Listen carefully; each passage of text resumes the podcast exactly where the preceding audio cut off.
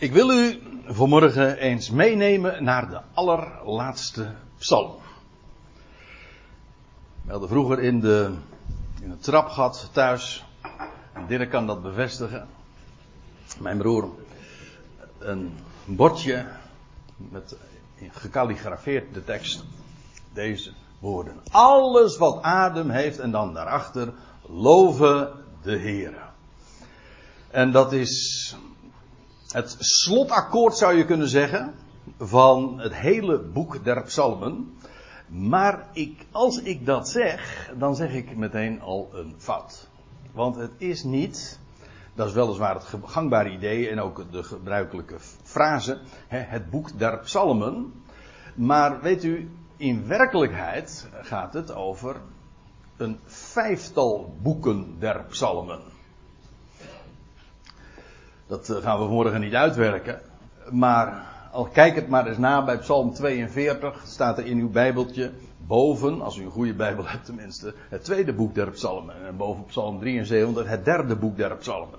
Dus er zijn vijf boeken der Psalmen. Heel boeiend allemaal, want die structuren, die verraden heel veel. Want wat blijkt is dat die, die vijf boeken dan weer corresponderen, parallel lopen met de Pentatuig. Dat is ook een mooi woord. Pentatuig betekent penta, dus vijf. De vijf boeken van Mozes. De, wat de Joden dan noemen, eigenlijk de Bijbelse benaming, dat is de Torah. Dat zijn de vijf boeken van Mozes dan.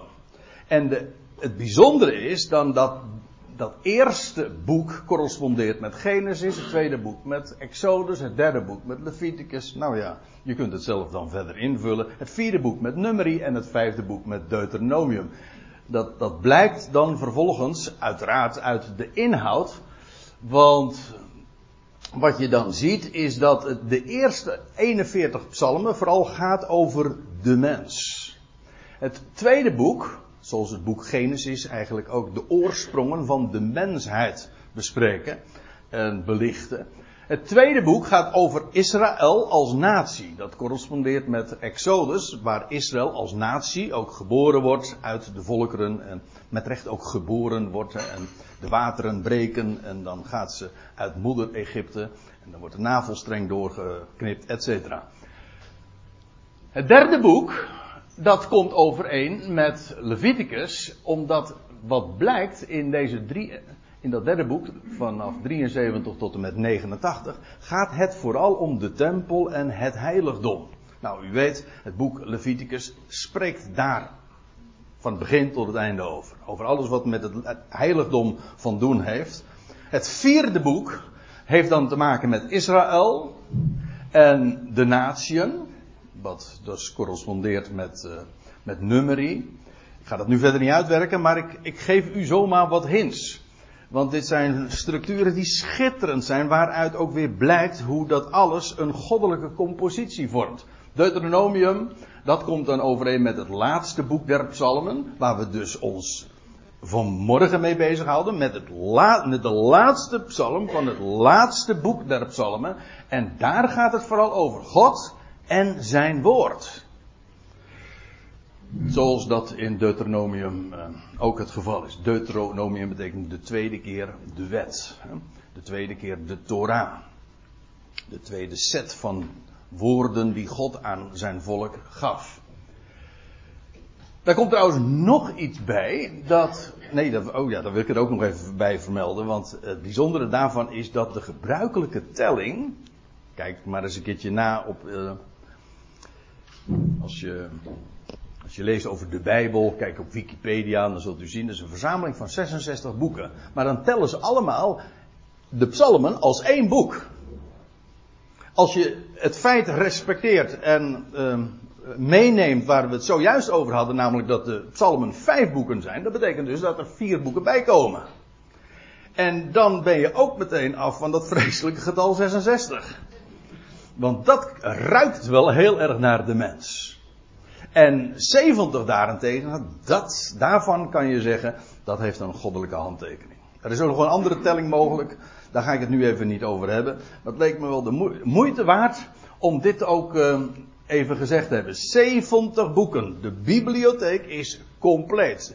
Zeven, dat is het getal van de volheid. En maal tien, dat is het, een aanduiding trouwens van de woorden gods, hè, de tien woorden. Nou ja, dat zijn zo van die overwegingen. Heb ik trouwens nog iets, want als we het hebben over de Pentatuig, de vijf boeken, die zie je dan ook nog weer in die laatste vijf psalmen gedemonstreerd. Want als je dan psalm 146, 47, 48, 149 en 150 hebt, dan zie je diezelfde structuur ook weer terugkomen. Namelijk, dat Psalm 146 refereert vooral aan Genesis en 147 aan Exodus, Leviticus, Psalm 149 aan Numeri en het 100, de 150ste psalm, de psalm van vanmorgen dus, met het boek Deuteronomium. Waarom dat dan zo vooral, uh, vooral is, uh, kijk het maar eens een keer na. Wat de linken zijn tussen Psalm 146 en Genesis. Kent u Psalm 146? Dat is een hele beroemde, hè? Ja, ik zeg nou beroemde, maar nou. Wat was? Dat was hem, ja. ja. Een zaligheid die in dit leven Jacob schot. Jacob, welk boek? Genesis, precies, ja. Nou, zo gaat dat dan maar door. En dus wat je dus in die laatste vijf psalmen dus ziet, is wat je in de vijf boeken van de psalmen ook ziet, namelijk weer die, ja, de, de structuur van de woorden Gods, de Torah, de Pentateuch. Heel boeiend. Boeiend, wat zeg ik, dat is, uh, dat ademt ook weer die hele goddelijke achtergrond, oorsprong van heel de schrift. Het ademt. En als we het over adem hebben, dan komen we vanzelf op Psalm 150. Want alles wat adem heeft. Ja, waarom adem je nou eigenlijk? Nou, om één reden. Om één fundamentele reden. En alle andere redenen die je er daar nog uh, bij bedenkt, die, die veronderstellen dit. Namelijk om Hem te loven. Ik kom daar straks op terug, want uiteindelijk is dat het, de laatste zin van uh, deze 150ste psalm. Trouwens, als we het dan nog, over, nog steeds over structuren hebben, dan zie je ook nog. Dan wil ik nog even psalm 150 even in de picture zetten. En dan zie je dit. Het begint met halleluja. En het eindigt met halleluja. In het eerste vers gaat het dan over het heiligdom. En het grootste gedeelte van de psalm gaat over de instrumenten van het heiligdom. En dan het middelste, dat, dat staat allemaal al in vers 2. Het is dus een, de inhoudelijke structuur. Dat is het grote motief van waarom hij geloofd zou worden. Namelijk vanwege Jahweh's machtige daden en vervolgens ook vanwege zijn veelvuldige grootheid. Zodat de psalm naar binnen wijst. Dat noemen ze, die structuur noemen ze inversie. Het gaat naar binnen toe en het begint waar het eindigt. En dan deze corresponderende lijnen. Het heiligdom en de instrumenten van het heiligdom. En dit is het hart van de psalm. Namelijk waarom Yahweh inderdaad geloofd zou worden. En als ik zeg geloofd zou worden, dat is dubbelzinnig, in het Nederlands tenminste. Want daar kun je onder verstaan dat hij, dat je hem zou geloven. Hem zou beamen zou wat hij zegt. Maar als ik zeg dat hij geloofd zou worden, kan ook betekenen. En zo bedoelde ik het trouwens nu ook. Dat je hem zou loven. Nou, over de eigenaardigheid van het woordje loven. Daar komen we straks eh, nog over te spreken. Maar eerst eventjes dus dit. De geweldige, eenvoudige structuur van deze korte psalm. Want het zijn maar zes versen. Maar ik heb begrepen, want ja, ik heb deze samenkomst, deze studie, eh, deze toespraak, zo u wilt, voorbereid. Het is nog weer een hele volle bak geworden. Nou, laten we eerst maar eens even kijken. Halleluja, zo begint de psalm. En dat betekent dus, oh wacht even, ik moet het eventjes zo zeggen. Uh, halleluja, dat, dat woord uh, hallel betekent loven of prijzen of lofprijzen. En dat ja, dat is de afkorting, zoals je dat heel veel vindt. Ook in namen trouwens. Jeza, ja, Jeremie, ja en zo. Uh, dat is de afkorting van de helft, eigenlijk, van de naam van God. Zijn naam is ook verdeeld en zou verenigd worden. Een heel boeiend verhaal, maar daar gaan we het dus niet over hebben. Maar hij zou geloofd worden. Hè? Looft Yahweh. En nou ja, u weet het, uh, dat is uh, het grote thema van het hele boek, de Psalmen. Of nou zeg ik het weer verkeerd, van de boeken der Psalmen. Halleluja! En het is een, een woord, het is een van, de, een van die woorden die echt internationaal zijn. Want in welke taal je het ook zegt en hoe je het ook uitspreekt, maar je herkent het direct. In alle talen het is dit Hebreeuwse woord opgenomen. Net zoals het woord amen. Wat betekent waar. Het is waar. Het is betrouwbaar. Het is te geloven. Afijn, dat is een Hebreeuws woord. En zo begint het en zo eindigt het ook weer. En dan wou ik er nog inderdaad dit bij zeggen. Eh, dat er een verschil is tussen danken en loven. Die be beide betekenissen die lopen heel gemakkelijk in elkaar over. Maar feitelijk is loven nog meer, gaat uit boven danken. God danken wil zeggen, je bent hem erkentelijk voor dat wat hij geeft. Dat doe je immers. Als je iemand, iemand geeft jou iets en dan bedank je. Waarom? Wel vanwege het geschenk, dat wat je van hem ontvangt. Daarom dank je.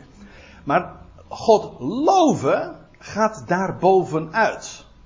En wat God loven, dat is hem prijzen om wie hij is. En eventueel ook wat hij doet, maar zonder de, dat belang, eh, als ik het zo mag zeggen, wat jij er zelf aan hebt. Want als je iets dankt, dan is het altijd, eh, als je dankt, dan ben je hem erkennelijk voor iets wat jij ontvangen hebt. Je zou kunnen zeggen dat je bij danken nog steeds heel erg denkt aan jezelf. Dat bedoel ik helemaal niet negatief, maar het gaat om dat wat jij krijgt. Maar als je God looft, dan prijs je hem gewoon om wie hij is. Dat je daar zelf heel veel profijt van hebt, dat mag het dan zo zijn, maar daar gaat het niet om. Om wie hij is en waaruit blijkt dan wie hij is, om in wat hij doet. Maar zoveel groter. We zijn zo gemakkelijk. De vorige keer hadden we daar trouwens over. Toen ging het over gebed zonder eind. Toen had ik het over bidden en danken. Danken gaat boven bidden uit. Maar loven gaat daar nog weer bovenuit.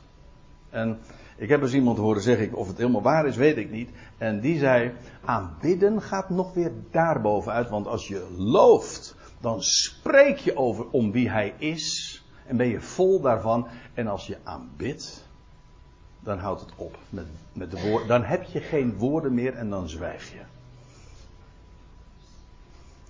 Ik geef hem even ter overweging, want of het helemaal waar is, weet ik niet. Maar in ieder geval, je ziet daarin toch een, een bepaalde ja, treden van de trap, zeg maar. Je begint met bidden, danken, loven en dan zijn er geen woorden. Je leest dat ook in het boek Openbaring, dat, dat, uh, dat die 24 oudsten dan danken en loven. En uiteindelijk dan lees je, en uh, ze vielen voor Gods aangezicht neer. Zo, punt. Hadden niks meer te zeggen, dan ben je helemaal. U komt een lofzang toe, maar ook stilheid, hè? Dan, dan zwijg je, dan is er niks meer te zeggen. Halleluja! Ja. Looft God in zijn heiligdom. Dat is de locatie. Dat woordje in, dat kom je iedere keer uh, weer tegen. Ik, ik, heb het vrij, ik heb het heel letterlijk ook uh, in de vertaling meegenomen. Soms lijkt het wat krom. In dit geval niet. Looft God in zijn uh, heiligdom. Dat, is, dat, dat wijst dus de locatie aan waar. Nou, waar stond dat heiligdom? Dat heiligdom, dat was de tabernakel, laat ik het dan maar eventjes eh, zo zeggen. Dat, dat is de plaats namelijk waar God woont. Zijn heiligdom, die later in Jeruzalem kwam te staan, de tent in de dagen van David.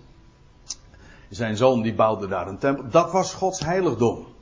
En dat het inderdaad om dat heiligdom gaat, dat blijkt mijn zinziens vrij duidelijk. Om vanwege de instrumenten die vervolgens allemaal genoemd worden, maar die juist allemaal stuk voor stuk dienst deden in dat heiligdom. Want je zou natuurlijk ook kunnen verdedigen dat dat heiligdom gewoon de hemelen zijn. Wat helemaal niet zo gek is, want als je nou Psalm 148, waar we het zojuist al even over hadden, uh, erbij betrekt. Dan staat er, halleluja, loof de Heere in de hemel, loof hem in de hoge, loof hem al zijn engelen, loof hem al zijn heerscharen, enzovoorts. Dan gaat het inderdaad over al die, die hemelingen. Al die wezens die zich onttrekken aan ons oog, maar die daarboven zijn. En ook trouwens de zon en de maan, de sterren, kortom al die hemellichamen, die worden opgeroepen in, om in koor hem te loven. Maar ik denk niet dat het nodig is om daar nou een keuze in te maken, want wat blijkt is dat het heiligdom dat God zich verkozen heeft op aarde, toen de tijd, vandaag woont hij helemaal niet in een, in een gebouw met handen gemaakt, straks ook weer wel, maar nu niet. Maar dat heiligdom, dat is een type van de hemelen. Als je niet geloven wil, ik heb maar Hebreeën 9 er even bij gezet, want het hele hoofdstuk gaat er eigenlijk over dat het, dat die, dat het heiligdom, en daar gaat het vooral over de tabernakel, een uitgespannen tent, een uitspansel dus, die uitgespannen tent is een type van de hemel. En dan wordt het ook vergeleken met de hoge priester die dan dat eens per jaar dat heiligdom inging. Wel, zo is de hoge priester naar de orde van Melchizedek, de koningpriester, vandaag in het hemels heiligdom. Zo zeggen we dat dan ook. In de hemel en daar in dat uitspansel. Zodat de vraag van, ja gaat het over het uitspansel op aarde of in de hemelen? Nou, dat uitspansel op aarde is een type, een schaduw, zo wordt het ook genoemd, van dat heiligdom. Het echte, het, zo wordt het ook genoemd, het ware heiligdom. Het echte dus. Dus je hoeft die keuze helemaal niet te maken. Looft God in zijn heiligdom. Looft hem in zijn machtig uitspansel. Want dat uitspansel noemt God dan vervolgens. Hij spant dat. Hij spant de hemelen uit als een tent om daarin te wonen. Dus met recht een uitspansel. En God noemde dat uitspansel de hemelen. Daar, dus het gaat niet alleen maar over het loven van God hier op aarde. Dat, daar is, dat is te klein. Psalm 150 is in zijn perspectieven zo groot. Nou, dat blijkt wel aan de, in het uiteindelijke slot. Alles moet meedoen. In de lof aan hem. Hij is de creator, de designer, de, degene die alles bedacht heeft, gemaakt heeft, een geweldig plan uitwerkt. En ja, die God, die zijn heerlijkheid ook openbaart, weer, weer spiegelt in dat wat hij doet. Al zijn werken getuigen van wie hij is. Dat staat ook in Psalm 19. De hemelen vertellen Gods eer en het uitspansel verkondigt zijn er handenwerk. Alles wat hij doet, dat zegt iets wie hij is. Het zegt niet alleen maar dat hij er is. Als, ik naar, als, als je naar ja, welk stukje natuur ook kijkt. Gisteravond nog even een gesprek met iemand die heel uitdrukkelijk zich afficheert als een atheïst. En ja, u moet me maar niet kwalijk nemen, maar ik heb niet zoveel respect voor die visie. Ik geef wel ruimte daarvoor, begrijp me goed. ik ben al lang blij als ik wat ruimte krijg hè, om te vertellen wat ik te melden heb, maar nee. Alles roept mij toe, design, alles is ontworpen. Oh, alles waar ik naar kijk en ik zoom in, dan zie ik, hoe is het mogelijk? Hoe is het mogelijk? Wie bedenkt dat? En als iemand dan zegt van ja, dat is allemaal door een oerknal gekomen. Dan denk ik van, spoor jij wel? Nou ja, kijk, het is, het is een leugen die de mens elkaar dan gewoon wijs maakt. En die waar, de waarheid van de schepper, die wordt ten onder gehouden. Dat lees je ook in Romeinen 1. Maar het is dwaasheid natuurlijk. Iedereen die ziet, als ik naar een horloge kijk, dan zeg ik, wauw, wat knap is dat bedacht. Maar elk stukje van de schepping, al is het maar één celletje, een amoebe, dat, dat is zoveel meer complex en zoveel meer, bevat ook zoveel meer, om het even in computertermen te zeggen, data, als, als, als een simpele amoebe. Uh, nee, nou, de zin zeg ik nu verkeerd geloof ik, maar, uh, nou ik bedoel te zeggen, nou even, weer, even overnieuw, ja. Eén celletje is dat we, zien, dat we met het bloot oog niet kunnen zien, is zoveel complexer dan, dan, uh, dan zoiets als een uurwerk. En iedereen zou zeggen dat is dat het zomaar vanzelf kan ontstaan. Ik bedoel, alles getuigt, daar gaat het maar om, van wie hij is en hoe groot hij alles bedacht heeft. Looft hem daarom. Looft hem in zijn machtige daden. Ja, om zijn machtige daden, maar ook dat in staat hier. Ik had het er zojuist al even over. Dat betekent dus ook uh, te midden van. Te midden van al die machtige daden die hij doet. In Psalm 145, even terugbladeren, dan lees je. Generatie aan generatie zal uw daden roemen. Dat is dus ook een profetie. Het zal zo gaan. Gaat het ook over het toekomende koninkrijk. Als, de, als dat gevestigd zal worden daar in Jeruzalem. En dan zal uw daden roemen en uw machtige daden, heb je het weer, en uw machtige daden vertellen. Dat wat hij doet. Looft hem in, te midden van zijn machtige daden. Looft hem naar hier wordt er wel gesproken, uh, hier niet over in, maar looft hem naar of in overeenstemming met de veelvuldigheid van zijn grootheid. Het, in het, is, het woord wat hier gebruikt wordt, dat heeft te maken met, ja, met veel dus. Zijn grootheid is zo niet alleen veelomvattend, maar heeft ook zoveel kanten. Groot in wat dan? Ja, het is, hij is groot. Kijk het maar na. Ik heb het eens een keertje even opgezocht in de concordantie en dan kun je zo een hele lijst maken. Waarin is hij dan groot? Wel als God. Als degene die alles plaatst. Hij is groot. In vele opzichten. In zijn macht. In zijn heerlijkheid. Dat wil zeggen zijn glorie. Zijn naam. Hoe, vaak wordt dat niet in de, met name ook in de psalmen gezegd. Zijn naam is groot. En ook wonderbaar in de wonderen die hij doet. Groot in zijn, in de wonderdaden die je doet doen verwonderen van hoe is het mogelijk. Hij is groot in, hoe vaak staat dat ook niet, in zijn goede tierenheid. Groot van goede tierenheid. Nou ja, ik kan er even doorgaan. Het is, dat is, daar is het te veel omvattend voor. Hij is groot eigenlijk in alle aspecten. Groots heerlijk. En dat geeft iedere keer weer opnieuw een motief om Hem te loven. Even nog. Het is heerlijk en geweldig en terecht om Hem te danken. Ja, want dat doe je toch? Als je iets ontvangt. Maar om dan eventjes het geschenk terzijde te leggen en dan te kijken naar, niet naar, naar de gift, maar naar de gever. En wie Hij is. En hoe groot dat, hoe groot dat is. Dat is waarom een mens leeft. Op die heerlijkheid te ontdekken. Ja, en dan, ja, dat vervult. Zijn machtige daden, zijn, de veelvuldigheid van zijn grootheid geldt trouwens ook voor de tijd waarin hij zich vandaag verbergt. Want dat doet hij.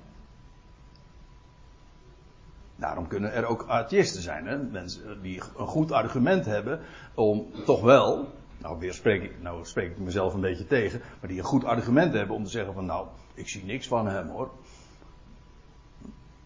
Nee, hij verbergt zich ook.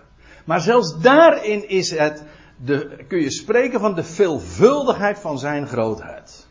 Nou, en dan, gaan er, uh, dan gaat de muziekkast open hoor. Looft hem in het blazen van de bazuin. Uh, nou ja, van de ja, de bazuin, maar eigenlijk is het, in het Hebreeuws staat hier, shofar. Dat is een, ja, een ramshoorn. Dat kan er zo eentje zijn, maar dat, dit is wel een hele mooie, vind ik. Maar looft hem in het blazen van de shofar. Dat is heel mooi. Want de shofar is eigenlijk een, uh, ja, het restant van een dier dat eerder geslacht is dus. Denk even door.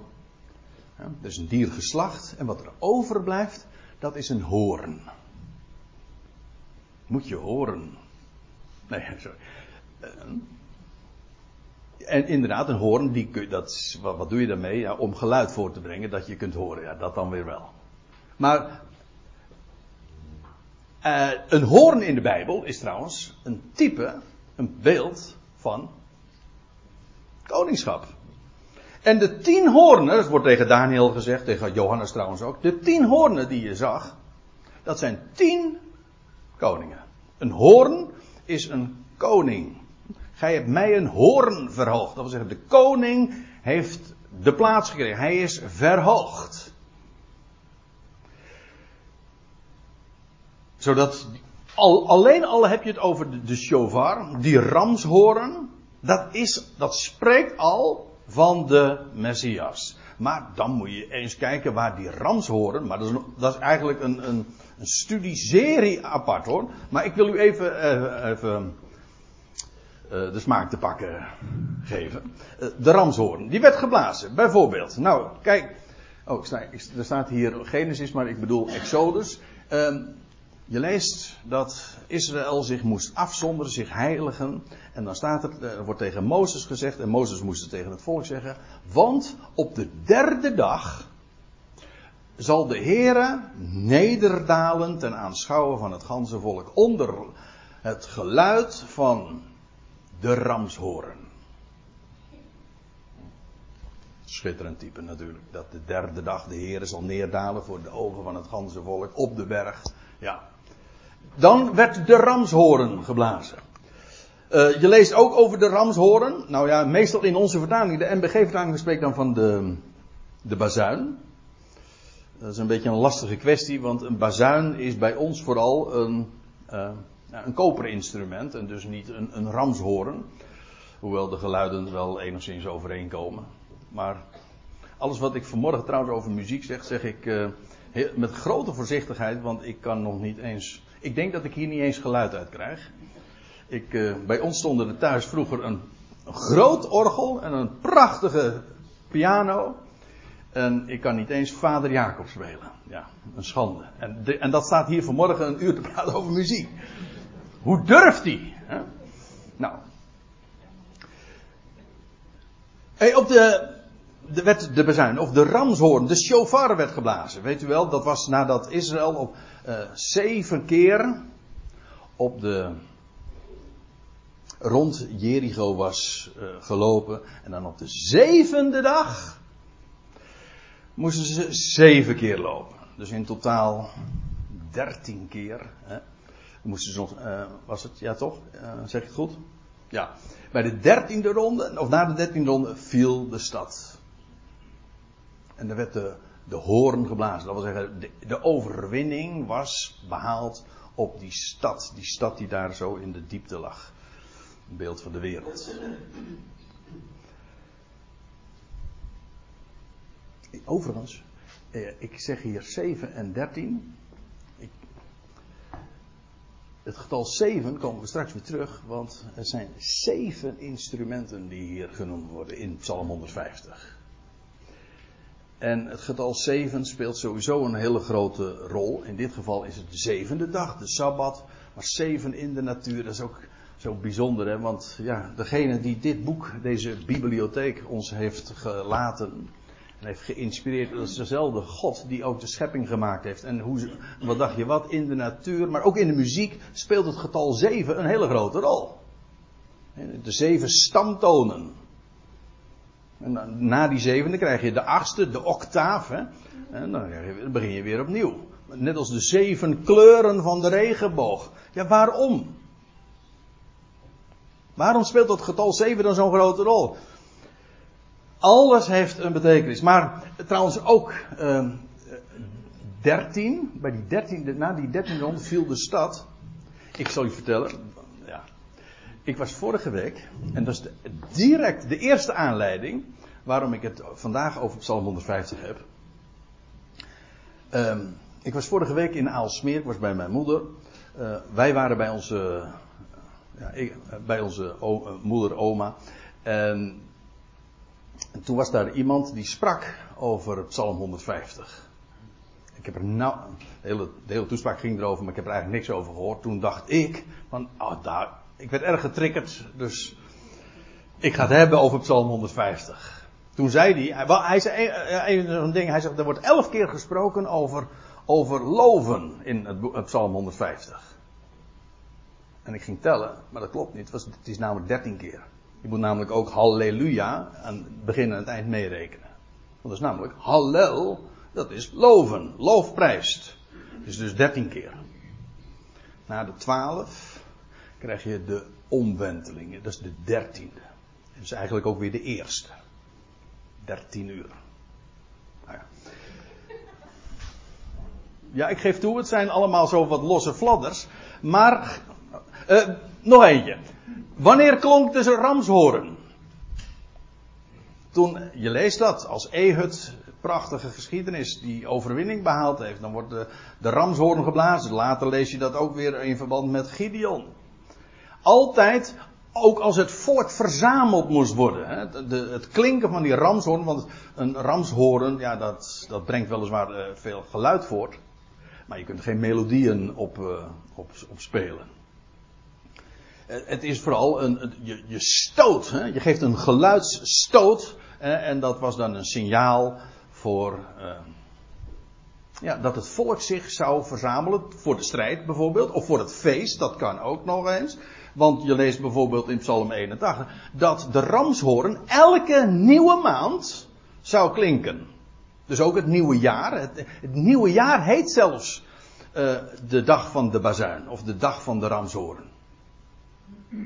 Dan begint namelijk een hele nieuwe reeks van maanden zelfs. En bij elke, als de nieuwe maand begon, dat was in, in, in de Bijbelse kalender is dat dan ook meteen nieuwe maan. Dan klinkt de ramshoren. De bazuin. Het is in feite een heel profetisch instrument.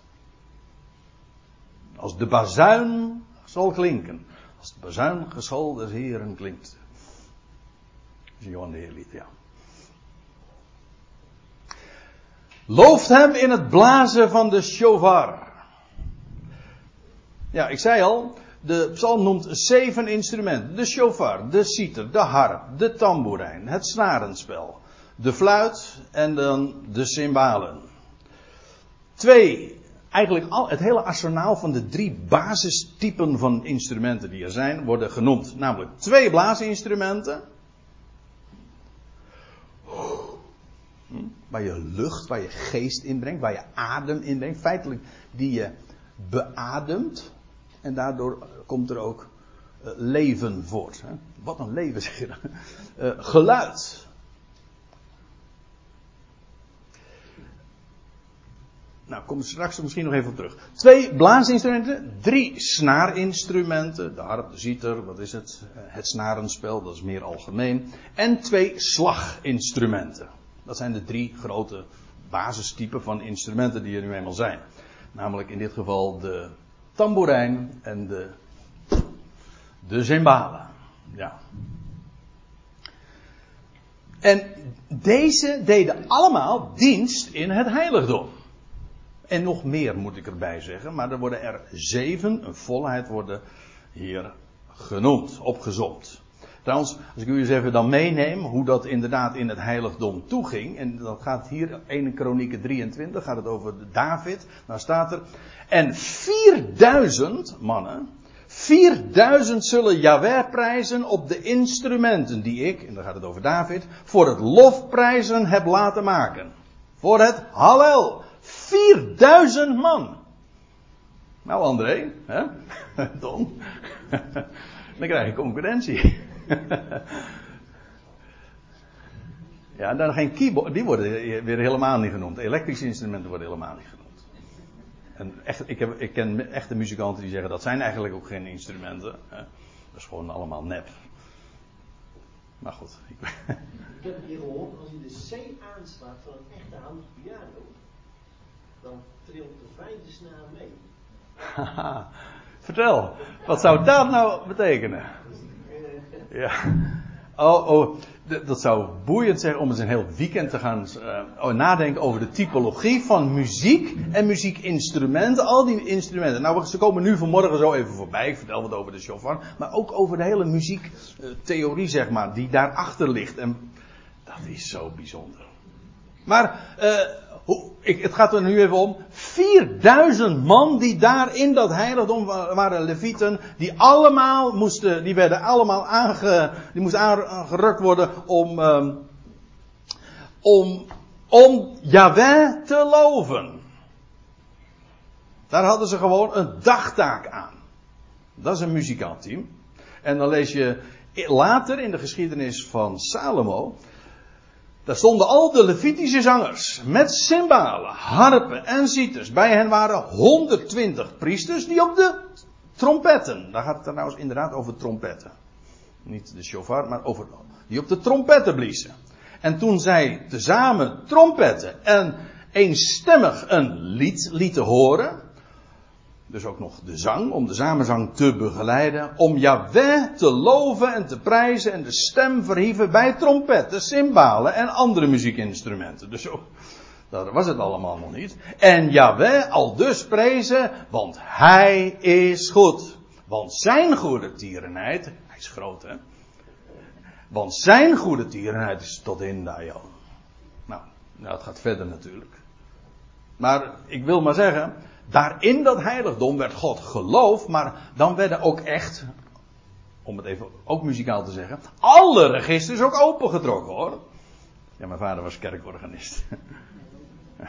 ja.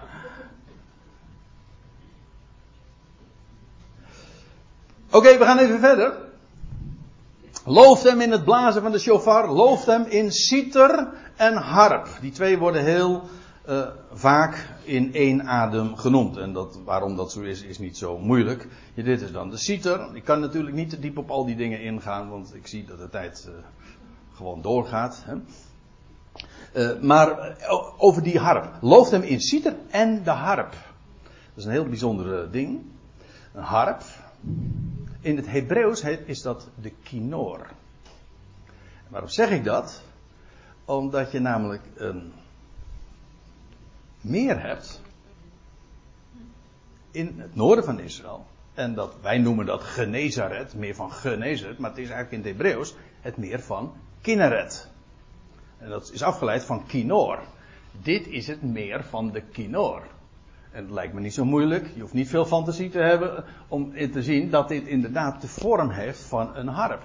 Dit is, waar, dit is de plaats waar de Heer een groot gedeelte van zijn, ook van zijn publieke bediening, heeft gesproken en heeft onderwezen. Onder andere in gelijkenissen, in verborgenheden. En dan denk ik aan Psalm 49. Psalm 49, vers 4. Daar zegt David: Ik zal mijn verborgen, staat de vertaling, ik zal mijn verborgen reden, mijn, of in de, in de NBG-vertaling staat: Ik zal mijn geheimenissen openen op de harp, op de kinoor. En die, die, dat tokkelinstrument, die harp, daar, daar, dat, is, dat dient ter begeleiding. Je geeft, daar, je geeft melodie aan dat wat je spreekt. En die melodie moet ook corresponderen met dat wat je zegt. Nou ja, elke muzikant weet hoe dat werkt. Dat als iets uitbundig uh, gezegd wordt, als dat inhoudelijk uitbundig is, ja, dan moet de melodie daaraan meedoen. dat, daarom is het ook een kunstvorm dat een innerlijke gedachte tot uitdrukking brengt, tot expressie brengt. Maar ook David die dan spreekt, en dat is een type van de zoon van David, die daar bij de kinoor gelijkenissen, verborgen dingen vertelde. Een melodie voortbrengt. Een melodie, is eigenlijk een, een opeenvolging van, van klanken met een begin en een einde. Maar er zit een verhaal in. Looft hem in de citer en de harp. Looft hem in tamboerijn. Of eigenlijk ben ik erachter gekomen. Het is niet de tamboerijn, maar het is de handtrom. Maar het verschil is. Ja, dat, had, dat wist ik ook niet hoor. Maar uh, een, een handtrom dat heeft namelijk geen belletjes. En die handtrom. Uh, waar het hier over gaat, die had ook, zoals bij ons de tamboerijn, eh, geen belletjes, maar het was gewoon dus eigenlijk gewoon een trommel. Die je zo in de hand hield. Uiteraard, dit is een slaginstrument, dat dient, dat gaat, die brengt geen melodie voort zoals een snaarinstrument, maar dat is alleen om het, nou ja, alleen, maar in ieder geval dat gaat om het ritme. Dat is een heel belangrijk onderdeel van uh, muziek. Zeker van moderne muziek. Hm? of dat nog muziek is. Als, nou ja. Hè? Hem. Nou, het is maar goed dat mijn vader hier niet bij zit. Want die, die brengt moderne muziek meteen uh, in verband met de binnenlanden van Afrika. Waar ze in trance door de, de ritmes gebracht worden. Fijn. Maar dat zeg ik helemaal niet negatief, want de, dat, dat, het idee van de ritme is een heel belangrijk onderdeel van, van de muziek. Trouwens, in, in heel Gods werk eh, gaat het om, uh, om regelmaat, om ritme, toch? Niet alleen een verhaal in tonen waar een klank in uh, wordt voortgebracht dat direct het, tot het hart doordringt, maar het is ook rit. Alles was vroeger een, een, een lied dat ingezonden werd voor het Songfestival, Eurovisie Songfestival, en dat had de naam. Alles heeft een ritme. Ja, dat is ook karakteristiek voor alles. Al Gods werken. Kijk maar eens aan, aan het hemelruim. Dus gewoon een uurwerk. Gewoon heel ritmisch hoe alles samen, hoe alles uh, is samengesteld en bedacht. Looft hem in de tamboerijn, of letterlijk dus die handtrom en de rijdans. Die rij, dat heeft niks te maken met een rij. Dat is, dat is met een lange ei. Nee, dat is een oud Nederlands woord voor een ronde. Een ronde dans. Ja. Dat is altijd een beetje moeilijk, want als je een Calvinistisch, zoals ik groot geworden ben, dan was het woord dansen hè, uit den boze. En als je dan op wees dat er niemand zo uitbundelt danste als iemand uh, als David, nog ongekleed ook. Hm? ja, in rijdans, ja. En de ronde dans dus. Maar het heeft, al, het heeft altijd die, die vrolijke noten, met recht. De, gij hebt mijn rouwklacht veranderd in een rijdans, in een ronde dans. Uitbundige vreugde.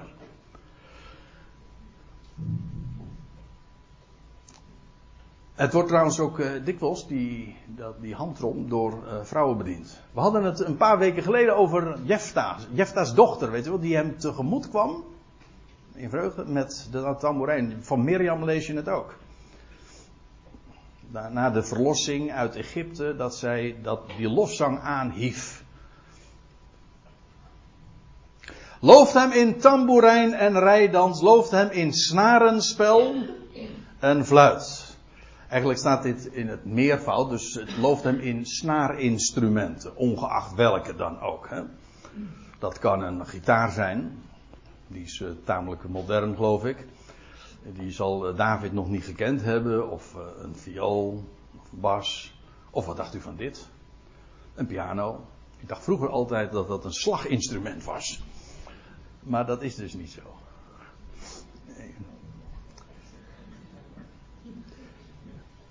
De snaren. Dus niets wat zo ook het gevoel, hè, zo fijn besnaart, zo het gevoel, het hart eh, aanraakt, wat zo ook de, de emoties kan opwekken als juist deze instrumenten. En de fluit. Ja, in de Statenvertaling staat die anders. Hè. Looft hem met snarenspel en orgel. Ja, die is wel leuk. Nou, voordat u nou denkt dat dat een belachelijke vertaling is, dat valt wel mee hoor. Want een orgel is eigenlijk gewoon een blaasinstrument. U zegt, hè? Ja, natuurlijk. En, en dat, ook eh, de betekenis van dat woord orgel gaat daar uh, op terug. Een organ, een, een, eigenlijk een orgaan, een instrument, maar waarin dan geblazen wordt. En, en dat is ook de, de reden. En dat is precies wat hier ook staat. Hè? Een fluit. Uh, en eigenlijk is het niet zo moeilijk om het, eh, de overeenkomst te zien tussen dit en dit. Nou ja, dit is wat handzamer, dat geef ik toe. Hè? Noemde dat fluit van de duivel. Dit. Ja. ja, Calvijn, heb ik me ook laten vertellen. Calvijn was een tegenstander van, de orgel, van het orgel. En dan te bedenken dat er geen Calvinistische kerk tegenwoordig denk ik nog te vinden is, waar geen orgel uh, te, uh, staat. Maar goed, ik, ik, de andere kant van het verhaal is, het orgel heeft wel zijn langste tijd gehad. Want mijn vader beklaagde zich juist vorige week nog, die is al 1, 72 jaar organist. En er is geen organist tegenwoordig meer te vinden. Niemand, niemand speelt meer orgel. Dus, uh, nou ja, goed. Het is een beetje een, een, een, tijdgebonden vertaling natuurlijk. Maar het idee is gewoon een fluit, namelijk waarop je dus blaast. Waarschijnlijk een, een houten fluit. Hier in de, de vertaling van Isa wordt het een herdersfluit genoemd. En elk geval looft hem in snarenspel ook en fluit. En ik zeg bij al deze vermeldingen, bij al die zeven instrumenten die hier aan de orde komen, ik zeg erbij, maar eens na gewoon in de concordantie waar het gebezigd wordt om inderdaad ook de, de, de meer specifieke betekenis ervan te achterhalen.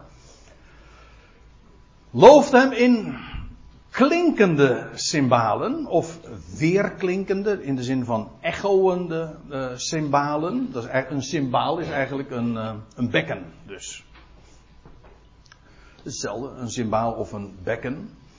Uh, maar ja, daar heb je ook weer allerlei varianten in. Hier worden er trouwens ook twee genoemd. De klinkende, de, in de zin dus waarschijnlijk van de weerklinkende, echoende cymbalen. Maar ook de cymbalen van gejuich. Hè. De schallende cymbalen, waarbij geschald wordt. Want eigenlijk een cymbaal, dat is leuk in het Hebreeuws, is dit uh, woord.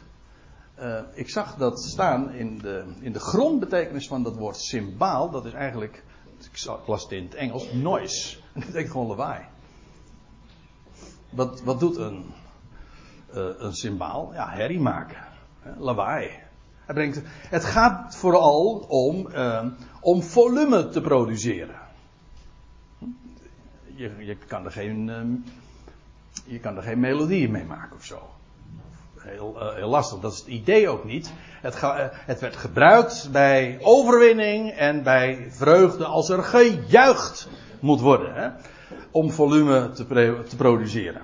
Er zijn van die geluiden. Elke, elke eerste maandag van de maand. Hè, dan, wordt er een, dan gaat de sirene af. Nou ja, ik wil niet zeggen dat het een symbaal is. Maar uh, ja, waarom is dat? ja, om, de, om te alarmeren. Net zo goed als waarom uw uh, om de, waarom de wekker afgaat. Dat is, dat is niet om een mooi geluid, maar gewoon om je attent te maken op. Eigenlijk om lawaai te maken, met welk doel dan ook. En vooral als er gejuicht wordt, dan moet er geluid geproduceerd worden. En dat is hier ook het idee. Looft hem al, het hele arsenaal. Blaas, snaar, slaginstrumenten. Alles wordt aangegrepen om hem te loven. Dat is wat het idee is. En inderdaad, het begon met de ramshoorn en het eindigt met de symbaal van gejuich. Het is allemaal één grote uitbundigheid om hem in het licht te stellen en zijn machtige daden en de veelvuldige grootheid van hem. En ja, muziek hoort thuis in dat heiligdom feitelijk is muziek, en ik hoop dat u dat uh, ook zo tussen de regels inmiddels al zo beluisterd hebt van wat ik gezegd heb. Eigenlijk is muziek een geweldig type. ik heb het over muziek en meteen. Ik roep het gewoon op, joh.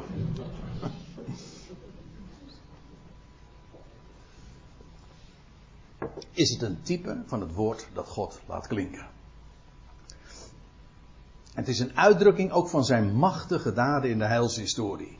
En zet maar eens een keertje.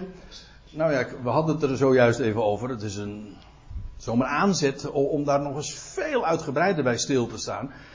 Uh, de overeenkomsten tussen muziek en de machtige daden van God. En dat wat hij spreekt. Uh, karakteristiek van de muziek is ritme, maar dat is precies ook het, de wijze waarop God opereert, ook in de heilsgeschiedenis. Alles heeft een, inderdaad een ritme. En, en ook een, een melodie. Er zit een begin en een einde aan. En ik had het over die zeven stamtonen. Waarna de achtste komt, de, de octaaf, de achtste, een nieuw begin. Wat was het ook weer? Do, re, mi, fa, sol, la, ti. En dan? Do. Dan ben je weer terug bij af, maar dan wel een niveau hoger. De achtste is dus eigenlijk weer de eerste. Zoals deze eerste dag van de week de achtste dag is, want het is na de zevende dag, toch? Overal vind je dat in terug. In de muziek. Um, de contrast. God werkt door contrast. Muziek, trouwens geldt voor elke kunstvorm, die moet het hebben van contrast. Dat is niet alleen in de beeldende kunst zo. Maar God maakt dingen duidelijk door contrast. Dat is juist wat kunst kunst ook maakt. In, Ja, in de muziek is dat bekend. Ja, je, je hebt vele contrasten natuurlijk. Van hard en zacht, hoog en laag. Maar ook van min. Wat dacht u daarvan? Dat spreekt vooral het gevoel aan. Mineur en majeur. En deze kan ik ook niet nalaten. Eventjes, uh, jij had het net over die C en die vijfde.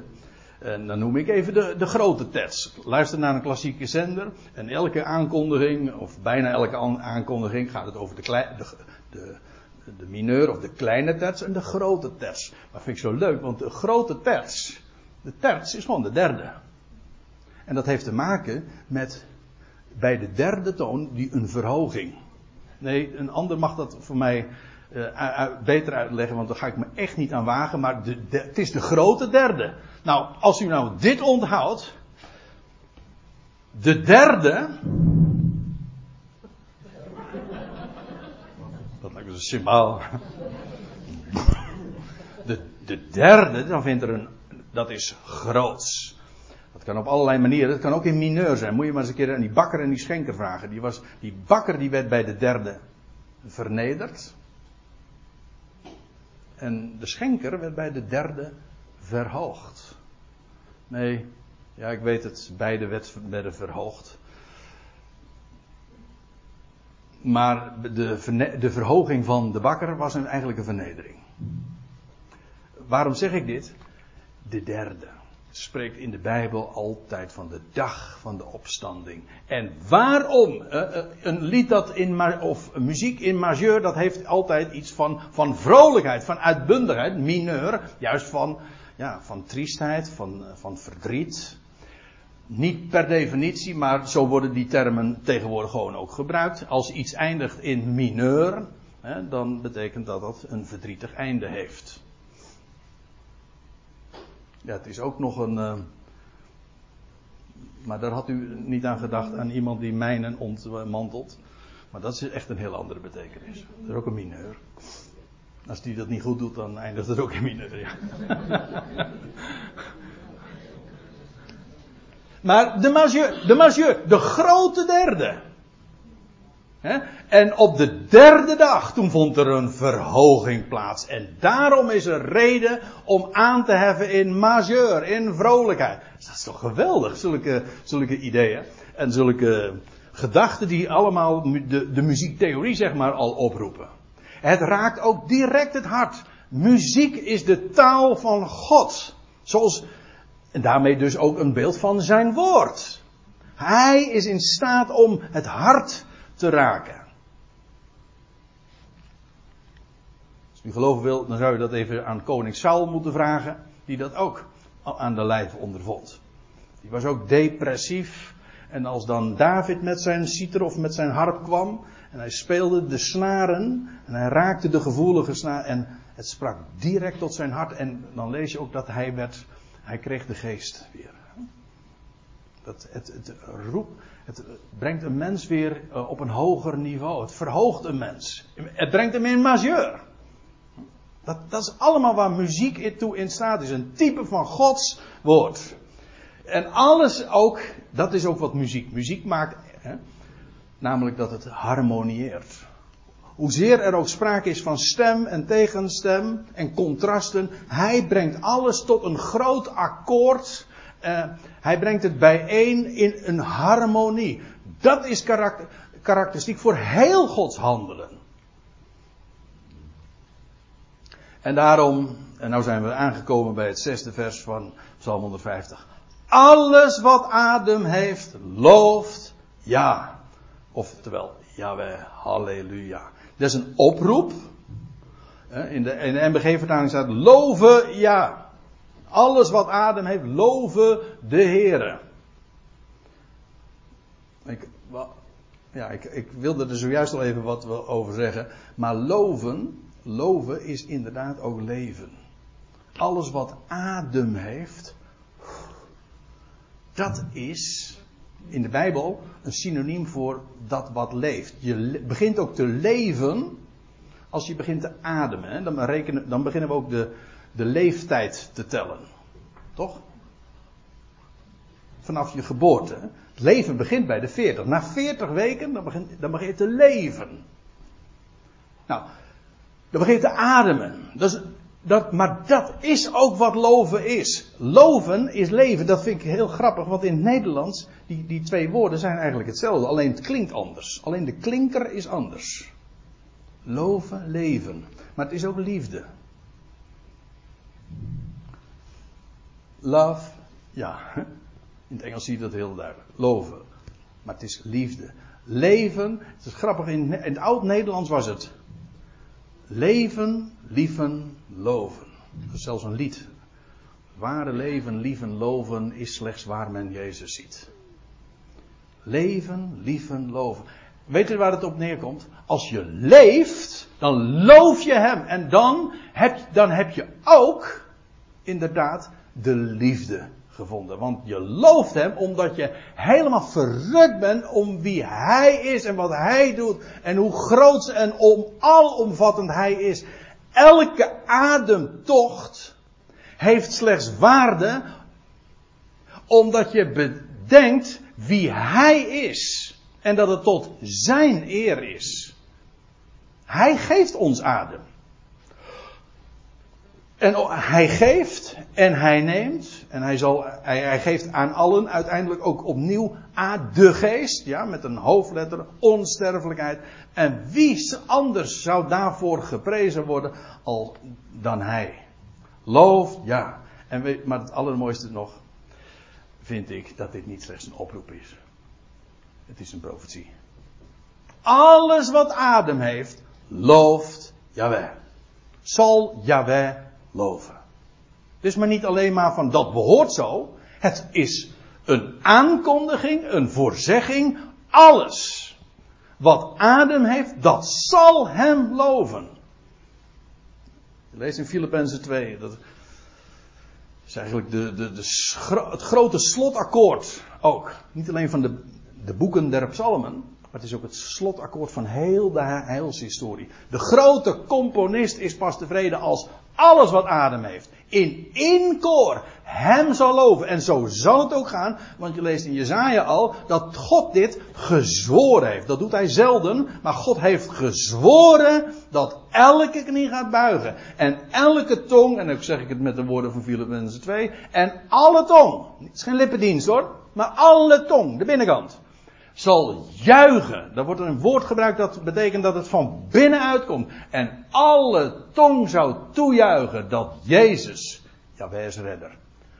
Christ, Jezus Christus, de gezalfde, Heer is, Curios, de eigenaar is. En dat, is, dat zal zijn tot heerlijkheid van God. Namelijk de Vader. Uit wie alle dingen zijn, de Vader. En die ook inderdaad alles draagt en ook alles weer brengt tot zijn hart. Dat is God. Degene die het plaatst, maar ook de Vader. Die zich bekommert om elk schepsel en ook elk schepsel gaat brengen waar hij het hebben wil. En dan zal elke tong of alles wat adem heeft, hem loven. Abba.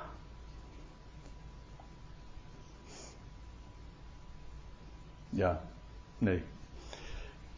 Ik, ik zat even te aarzelen of ik wat zou zeggen over het Hebreeuwse woord Abba, want dat is. Maar dat doe ik niet. Maar ah, onthoud dit. onthoud dit, ja. Alles wat adem heeft, dat zal hem daadwerkelijk gaan loven. En heel de schepping zal in koor getuigen van wie hij is. En ik ben zo verschrikkelijk blij dat ik dat nu al mag doen, dat mijn leven nu al betekenis heeft. Sterker nog, dat ik nu al leef. Een heleboel mensen die bestaan alleen maar, die existeren. Maar ze leven niet. Je leeft pas wanneer je bestaan een zin heeft. Een betekenis, een reden van bestaan. Dat je uitzicht hebt. Dat je weet dat je bent geliefd, dat je een creatie bent. Dat je dat, dat is dat je ook werkelijk weet dat heel de schepping gedragen wordt door liefde. God is liefde. Dat is toch geweldig? Dan leef je, dan loof je Hem. En dan ken je ook werkelijk Zijn liefde. Zullen we daarvan zingen? Andreas.